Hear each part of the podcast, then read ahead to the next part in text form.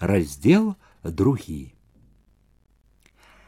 наступным вечарам неспадзеўкі прынесла дубадзела дужы жылаваты ў шынялі у ваеннай шапцы крывароты адразу заўважыла ганна трымаўся неяк нязвыкла лісліва і разам афіцыйна і гэта зацікавіла яе ён неахвотна прысеў на крэсла калі паразка таксама цікаўна зірнуўшы на яго запрасіла сесці мякка сказаў што сядзець асабліва няма калі справы Пра гэта гаварыў, здавалася, не толькі ўвесь яго выгляд, але і палатняны портфель, які дубадзел трымаў на каленях і па якім неспакойна бегалі яго пальцы. Ну, не ўвесь час справамі аднымі займацца. Хітравата зірнула паразка, падымаючы галаву ад сшыткаў, якія правярала. Увесь не ўвесь, а гуляць і можна сказаць некалі Вам жа не трэба сшыткаў правяраць. І непісьменных вы грамаце не вучыце. Часу у вас павінна быць аж лішне. Дыхнуць некалі як у раён перайшоў. Ён пасля таго як не выбралі ў сельсавеце уладзіўся раённым упаўнаважаным.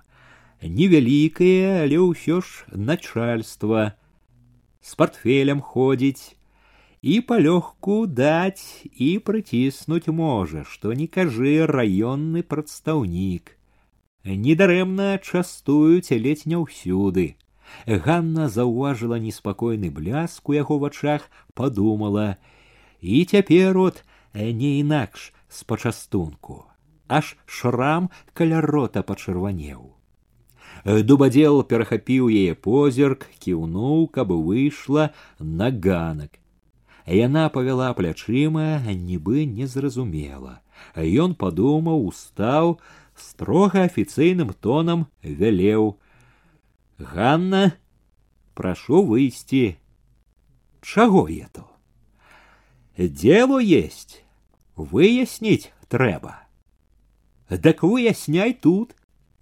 Ён ніякава помаўчаў, скоса асцярожліва зірнуў на паразку, перавёў позірк на ганну, недовольна пакруціў галавою, нездагадлівая. Пры пастаронніх нельга.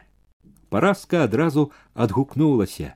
Дык я магу выйсці. Не, вы работайте, Ён сказаў нецярпліва, патрабуючы, часу няма выйдзі ну што ж ганна не апранаючыся выйшла ў калідор ён попрасіў выйсці на ганак паслухалася на ганку стала ну выясняй хадзем трохі яшчэ лагодна ўзяў за руку не хочу от скула ж ты засмяяўся як бы хвалячы усё по-свойму гнешь.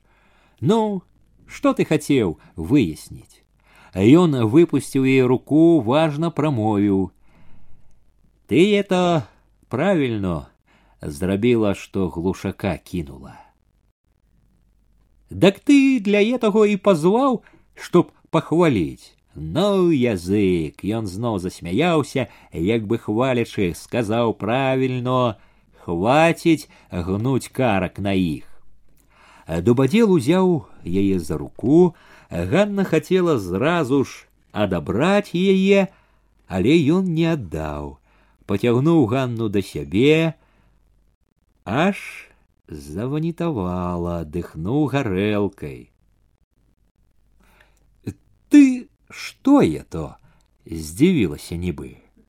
А нічого, забулькаў брыдкі смех паўхаджваць вот хочу за табою унё дак для этого трэба было цягнуць сюды на холод холод таки браў яе асабліва мерзла спіна паўхаджваў бы там перад паразкаю наравіся ты мне як бы не заўважыў ён кпіны усё цягнуў да сябе яна цвёрда ўперлася яму ў грудзі ну чаго ты не нараўлюся не наравішся руки яго трохі паслабелі але ён усё ж не выпусціў яе Чаму это? А не знаю. Просто гадкі. Чула, гэта яго нібы ударыла момант разгублена маўчаў, потым сказаў злосна: « Чаго дзярэш нос? Яна спакойна загадала пусці. Дубадзел пусціў. Няма чаго дзеўку строіць сябе. Не знаю, думаешь, як ты з етым дятлікам на гумне. Знаешь? Знаю. Дык старайся не забыць. Гэта здзеклівая парада раз'ятрыла яго. Чаго дзярэш нос, кулацкая падсцілка. Яна стрывала, прамовіла з пагардай. І это ўсё, для чаго ты пазваў мяне? Ты ше пашкадуеш аб'етом, выціснуў ён люта. Тады тое будзе. Ганна спакойна зачыніла дзверы. Калі ўвайшла паразка зірнула адшытка гулліва, падсмейваючыся, ну што, пагаварылі, пагаварылі. Ганна сказала такім тонам, што ўсмешка на парашчаных губах замерла. Параска ўгледзелася ўважліва і не стала распытваць.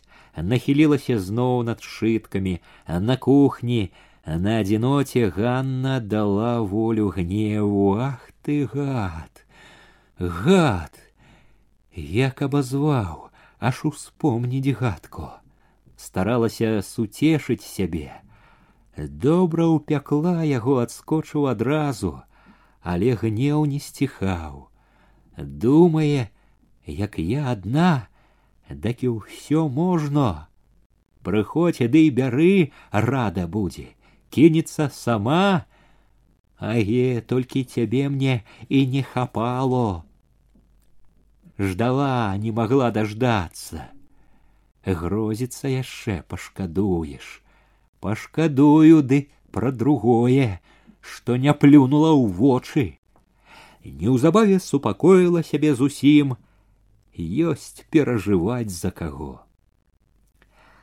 праз дзень прыйшоў яшчэ чалавек быў вечар позні вечар хутка павінны былі кончыцца вячэрнія заняткі са старымі калі ганна пачула што ў калідор нехта зайшоў пашаргаў цемры лапцямі стаў мабыць не ведаў куды ісці Яна адчыніла дзверы ў калідор, глянула ў змрок. Хто тут? І ён стаяў наводдаль, са святла ў змроку калідора ледзь відна была постаць. Яна не так пазнала, як здагадалася. Ты голас яе дрыжаў.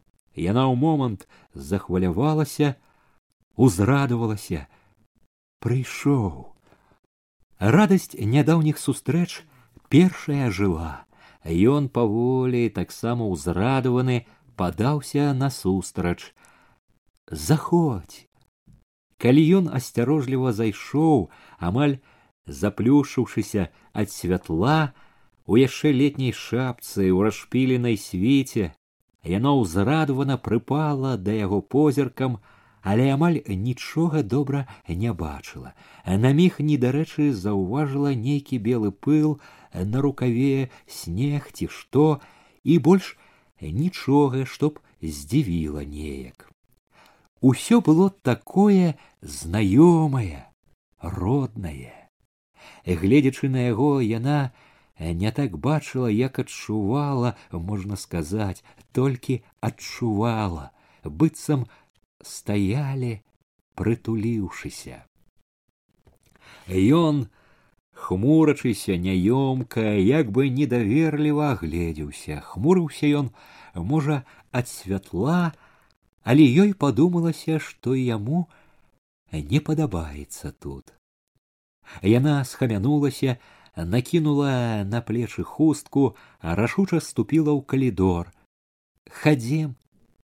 Выйшлі на ганак, на цемру, на ветер. Момант, здавалася, быццам нічога іншага не было, толькі спатканні. Усё было, як тады перад гумном, под яблыняю, як у гумне, ішлі хутка, нецярпліва, нецярпліва стала у баку ад дарогі, каб не зашкодзіў ніхто. Прыехаў, не забыў, голас яе перарываўся. Не, я думала, забыў, скажаш. Не прыязджаў доўга, ён помаўчаў. Не так просто. Яна зразумела недагаворанае не так проста вырвацца маня матка суседзі усе сочаць абавязкі перад сваімі у радасці і ўліўся нядобры халадок і не так проста не так проста ты прыйшоў спытала стрымана прыехаў з дому залешнікаў ён дадаў муку малоў яна запытала абы не маўчаць а дзе калёсы на вуліцы узялі дрыжыкі пачула які холодны ветер трэба было хоць бы накінуць каптан выскочыла з гарача як ты тут пачула смутак трывога любоў былі ў голасе. А нічого пастаралася схаваць гаркату. Жыву, добра жыву, А ты ад а многа сказала ёй гэтае ад. Маня як не стрымала раўнівая. Што ёй? А сын расце. Нялёгка было гаварыць, затым, што казалі, было багата іншага, пра што і казаць не хочацца, і забыць не забываецца, таму ахвотна маўчалі. Але і маўчанне было поўнае хваляванне. Землю адабралі, нібы паскардзіўся ён. Яна пачула ў голасе адчай, усю, што каля цагельні мне казалі паспачувала яна пасеянае перааралі міканор усё Ён здалося чакаў, што яна паспачувае, скажа нядобрае пра міканора. Яна не сказала, Нашто вярэдзіць лішне боль яго. Не знаю, што будзе, зноў пачула адчай, будзе нешта спакойна супакойліва сказала. Гора як было не будзе ён падумаў над тым што сказала. Можа і горай будь. Не будзе яна была ўпэўнена ў гэтым зноў маўчалі гуляў ветер халадзіў шыю плечы бралі дрыжыкі ты не обижайся на мяне прамовіў ён ціха як бы не смела і вінавата насцярожыўся чакаючы што яна адкажа не сказала яна спакойна нібы і здзівілася чаго абіжацца ён узрадаваўся памкнуўся да яе хацеў здалося абняць але стрымаўся не наважыўся Усё ж нейкая весялосць, зухаватасць была, калі гаварыў: Чорт яго знае, запуталася ўсё, запуталася.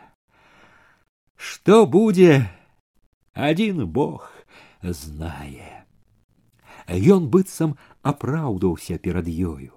Вінаватым усё чуў сябе, хоць яна і знаку не падавала на гэта. Нашто ён пра гэта вінаваты, не вінаваты, што ад таго лягчэй хіба стане? Як ты будзеш далей? пачула зноў вінаватую заклапочанасць, а так і буду. Ты не абіжайся, зноў попрасіў калі б можна было ну нашто ён гэта як бы яна вінаваціць не вінаваціць яна нікога кожны жыве як можа кожны сам за сваю долю вінаваты не абіжаюся я ён усё ж наважыўся абняў на развітанне нясмела нязграбна быццам не абдымаў ніколі. Яна не развяла яго руки, але і не прыгарнулася вельмі, як бы не ўзрадавалася. Ён адразу чула заўважыў гэта стрымаўся. Дужыя, нецярплівыя руки яго аслабелі, абняўшы, ён нібы не ведаў, што рабіць, стаялі моўчкі, нерухома, было непагана, але ўжо не было так, як раней, чагосьці ўжо не хапала. Халаднаватасць была ўжо нейкая. Ён пацалаваў, яна адказала, але таксама спакойна, нібы з успаміну пра тое, што было. Дык бувай, бувай, пастаяла, паслухала, як стукаюць яго калёсы ў потемку памёрзлай, скамянелай зямлі.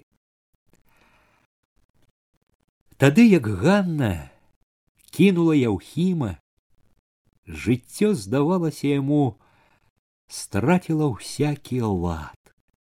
Як ні няскладна ішло несамавітае яго жыццё дагэтуль, усё ж быў яшчэ ў жыцці гэтым хоць трохі звыклы заведзены людзьмі распарадак быў хоць для людскіх вачэй нейкі выгляд гаспадаркі сямейнай асновы была э, няхай ненадзейная паганая гаспадыня жонка было каму загадваць каго ўпікаць на кім спаганяць злосць Ён і не ведаў раней, як багата значыла ў нецікавым жыцці яго паганая здавалася ненавісная жонка. Толькі цяпер, калі яна ўцякла, знікла, адчуў, злуючыся на сябе і на яе, Яўхім, як дзіўна, неадольна апусцела ўсё ў хаце, ува ўсім жыцці яго, якім зрабілася ўсё бяссэнсным, безглуздым. Злосць была на Ганну тым большая, што ў шал злосці амаль нязменна ўліваўся непатрэбны горкі струменшык, прыкра кволай крыўды за тое, што от паганая не полюбіла, не пашкадавала, кінула ў такі час, кінула на сорам перад усім сялом, што за яе паганай столькі болю прыкрасці яму, што як не стараецца, не можа плюнуць на яе сцерці, со свае памяці не можа нібы наканавана жыць без яе сука гадзіна кляў ён не раз закаешся навек закаешся папомнеш гразіўся ён сланяючыся па двары пакутаючы бяссонніцай начамі Ён у гарачай лихаманцы, прагнучы помсты, строіў сабе малюнкі адплаты, біў салодкім шале па ненавісным твары, ламаў упартыя руки. Былі хвіліны, калі ён, прагнучай патолі, гатоў быў ухапіцца за сякеру, згадваў схаваны ў застрэшшы абрэз. Ні праклёны, ні грозьбы не давалі палёгкі. Хоць не ведаў гэтага, любіў яе, паганую, ненавісную, па-ранейшаму любіў дурной, як хвароба, неадчэпнай любоўю. З таго дня, як Ганна ўцякла, як ніколі нямілым стаў яму родны двор. Не, Яўхім не ва ўсім быў падобны на старога глушака.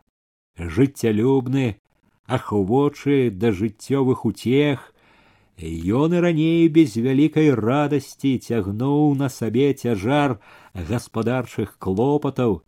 Цяпер клопаты гэтыя сталі зусім прыкрымі. Ён амаль перастаў гаспадарыць.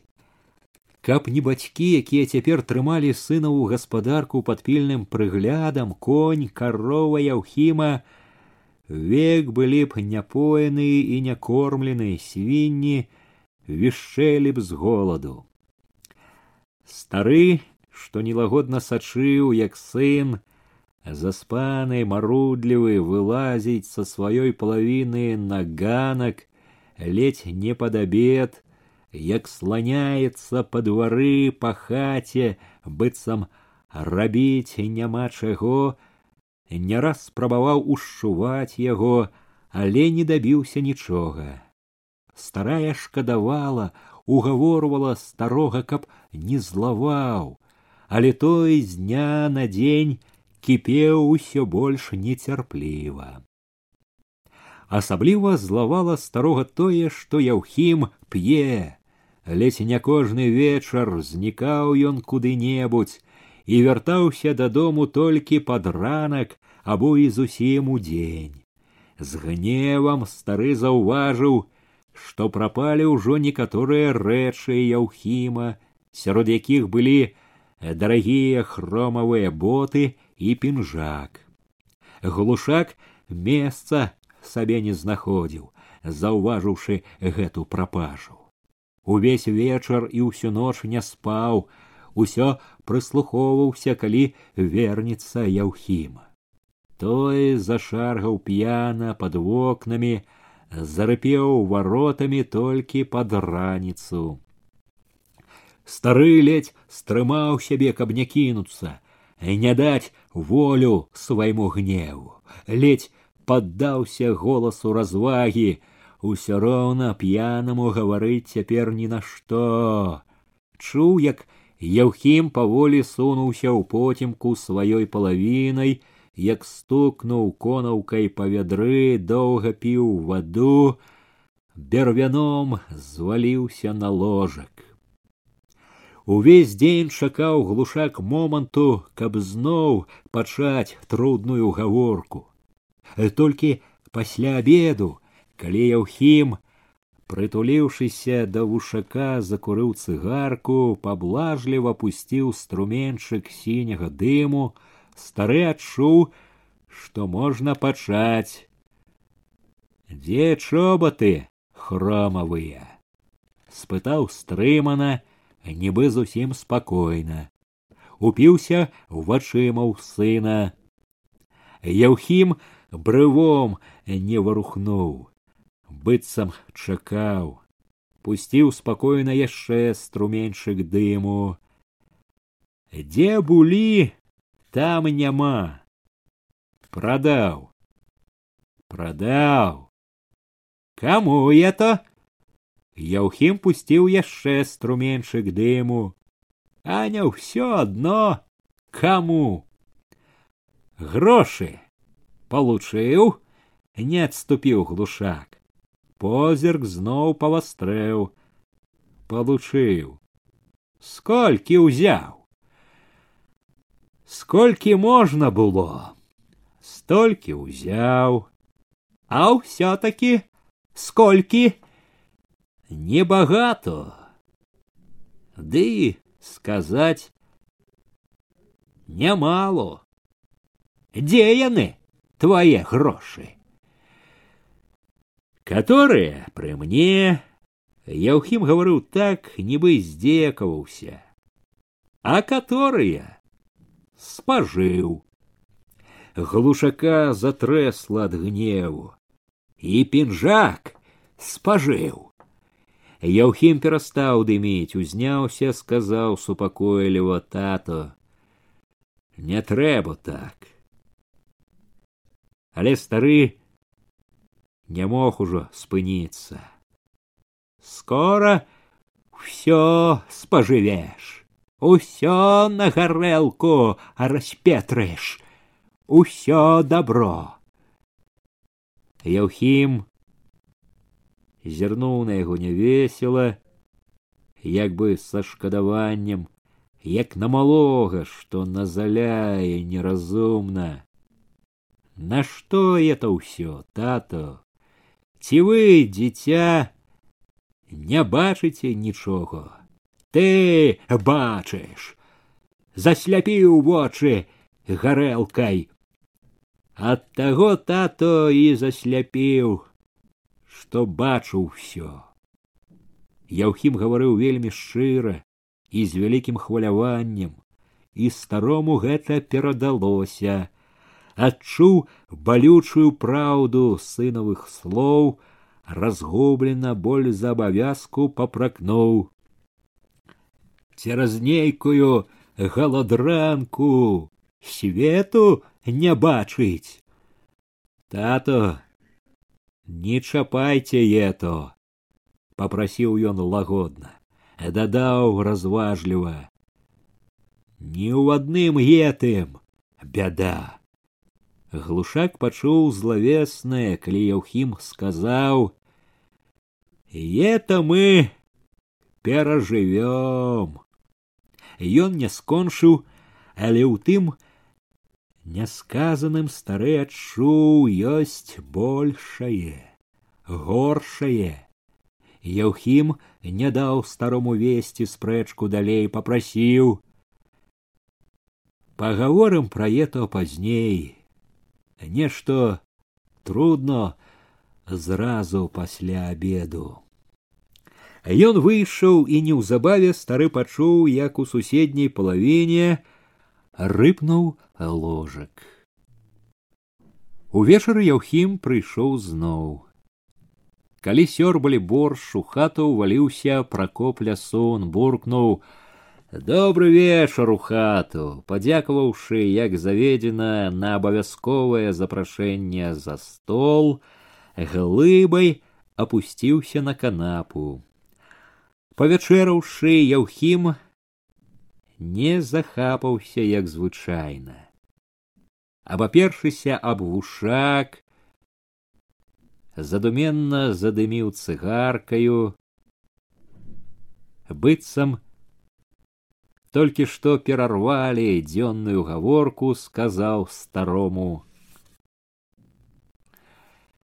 Жыць, тато, усё адно не дадуць стары таксама лагодна і павучальна запярэчыў дадуць і не дадуць а дзяржацца трэба а як я не магу характер у мяне гарачы знаеце ж характер дзяржаць трэба не распускаць а як не ўмею я стары спасцярожліва паглядваючы на лесуна стрымана і цвёрда заявіў трэба ўмець цяперашнім светам усяму трэба навучыцца а я от не ўмею трэба ўмець Яўхім не адказаў, дыміў цыгаркую, думаў пра нешта, дакурыў, кінуў пад ногі, расцёр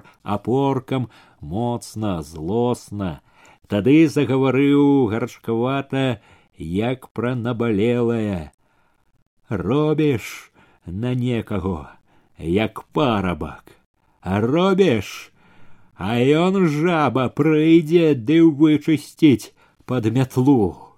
Як бы это не твоё, а яго. Камандуе всякое, а ты слова не скажи. Ей-бо, з лютай шчырасцю з той раптоўнай няўтрымнай адвагай якой заўсёды апасаўся стары прадказаў не ручаюся стукну я калі-небудзь і таго да мецікаваго стукну так што свінячая папрэз яго ей-бо руки даўно чэшуцца Стары кінуў позірк на пракопа, недовольно папракнуў: « Пляцеш усякае. Чалавек падумае і праўда. Праўда, тато, не хацеў нічога разумець Яўхім, стукну. Цярпення ўжо няма. Не балбачы, здурнеў саўсім. Яўхім быццам і не чуў старога. Толькі от вас ды матку шкода, дакі дзяржуся, а так даўно б. Здурнеў саўсім, закруціў глушак галавой, пазіраючы дружбацкі на лесуна, як бы просячы не браць сур'ёзна. Пракоп слухаў яўхіма панура усхвалявана. Яўхім неспадзеўкі весела варухнуў плячыма, закінуў руки за галаву. Один выход з'ехаць куды-небудзь, покуль суд ды справа. Глушак зірнуў на Яўхіма, не жартуе. От пабуду яшчэ трохі, з вясёлай адвагай сказаў Яўхім ды плюнуў на ўсё шчасце што ні жонкі ні галапузых ніхто не ўчэпіцца возьму світу на плечы ды ў белы свет куды душа павядзе у свеце мест добрых нямала будь таго не можа чтоб і мне не знайшлося. Ждуть там тебе, недовольно с трывогай попракнуў стары. Знайдзецца место. Цяпер усюды такое будаўніцтва, абы руки. У старым узнялася раўнівая злосць. Сярдзіта з крыўдай засіпеў, а тут Батько няхай один. Батько няхай один мучыцца, даждаўшыся добрых сыноў. Не, канешне, и вам оставаться. Не, канешне, абурыўся стары, не, канешне, а добро на каго?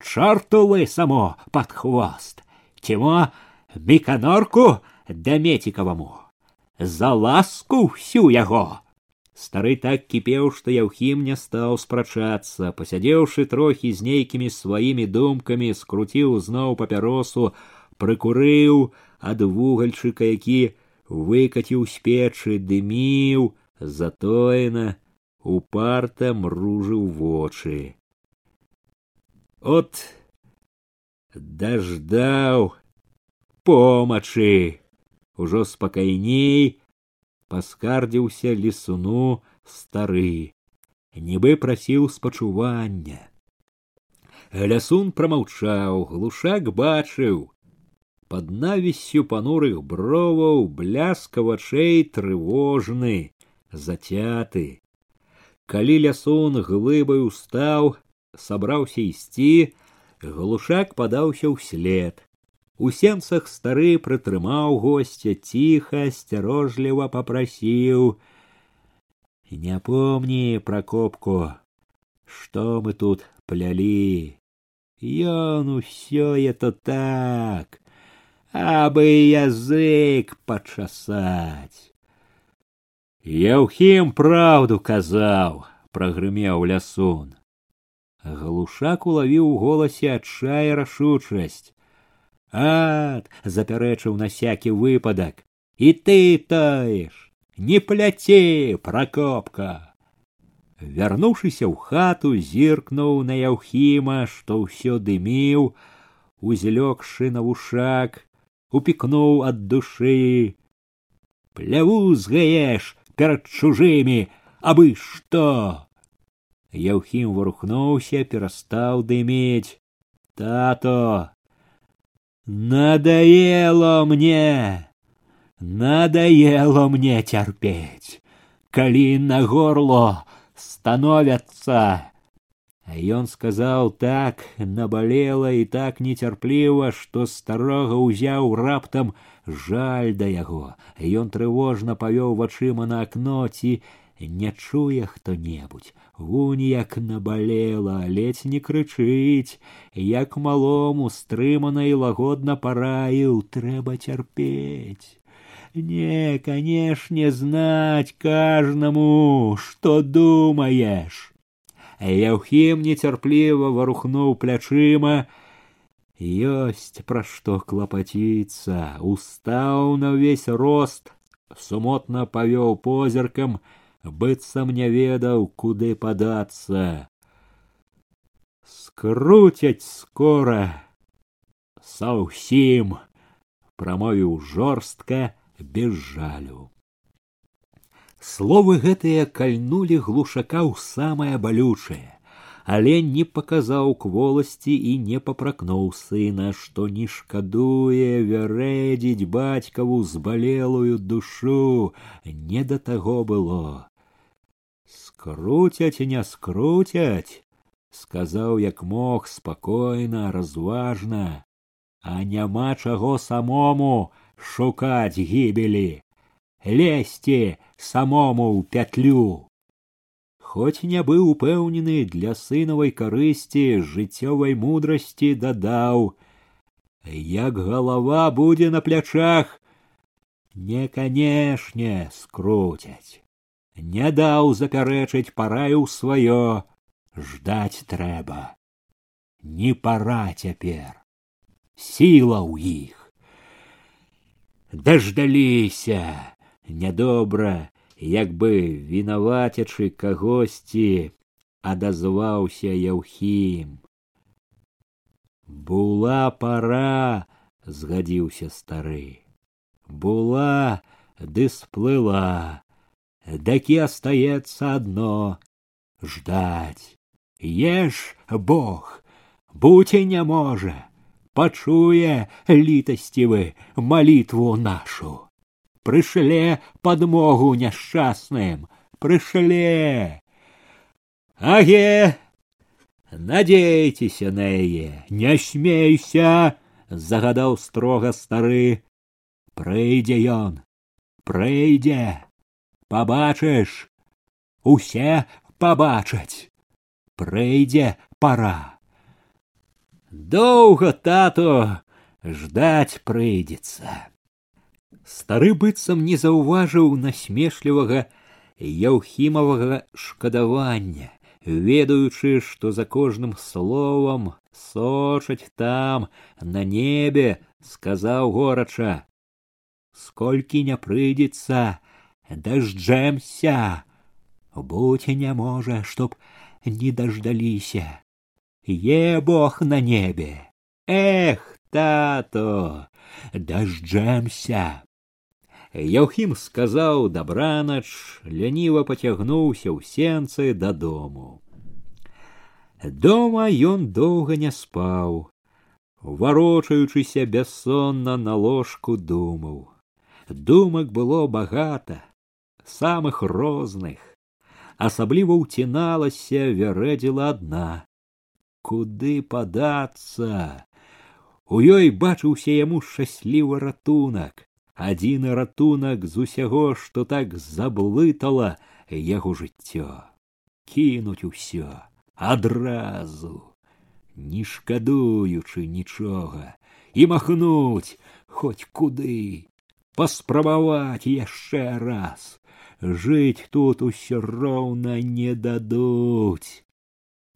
У тую ноч ён быў гатоў махнуць. У тую ноч гэта здавалася самым простым і надзейным, і хто ведае, як склаўся б яго лёс, каб махнуў ён тады. Можа, інакш, зусім інакш пайшла б яго дарога. Але не махнуў ён. Не так проста было махнуць.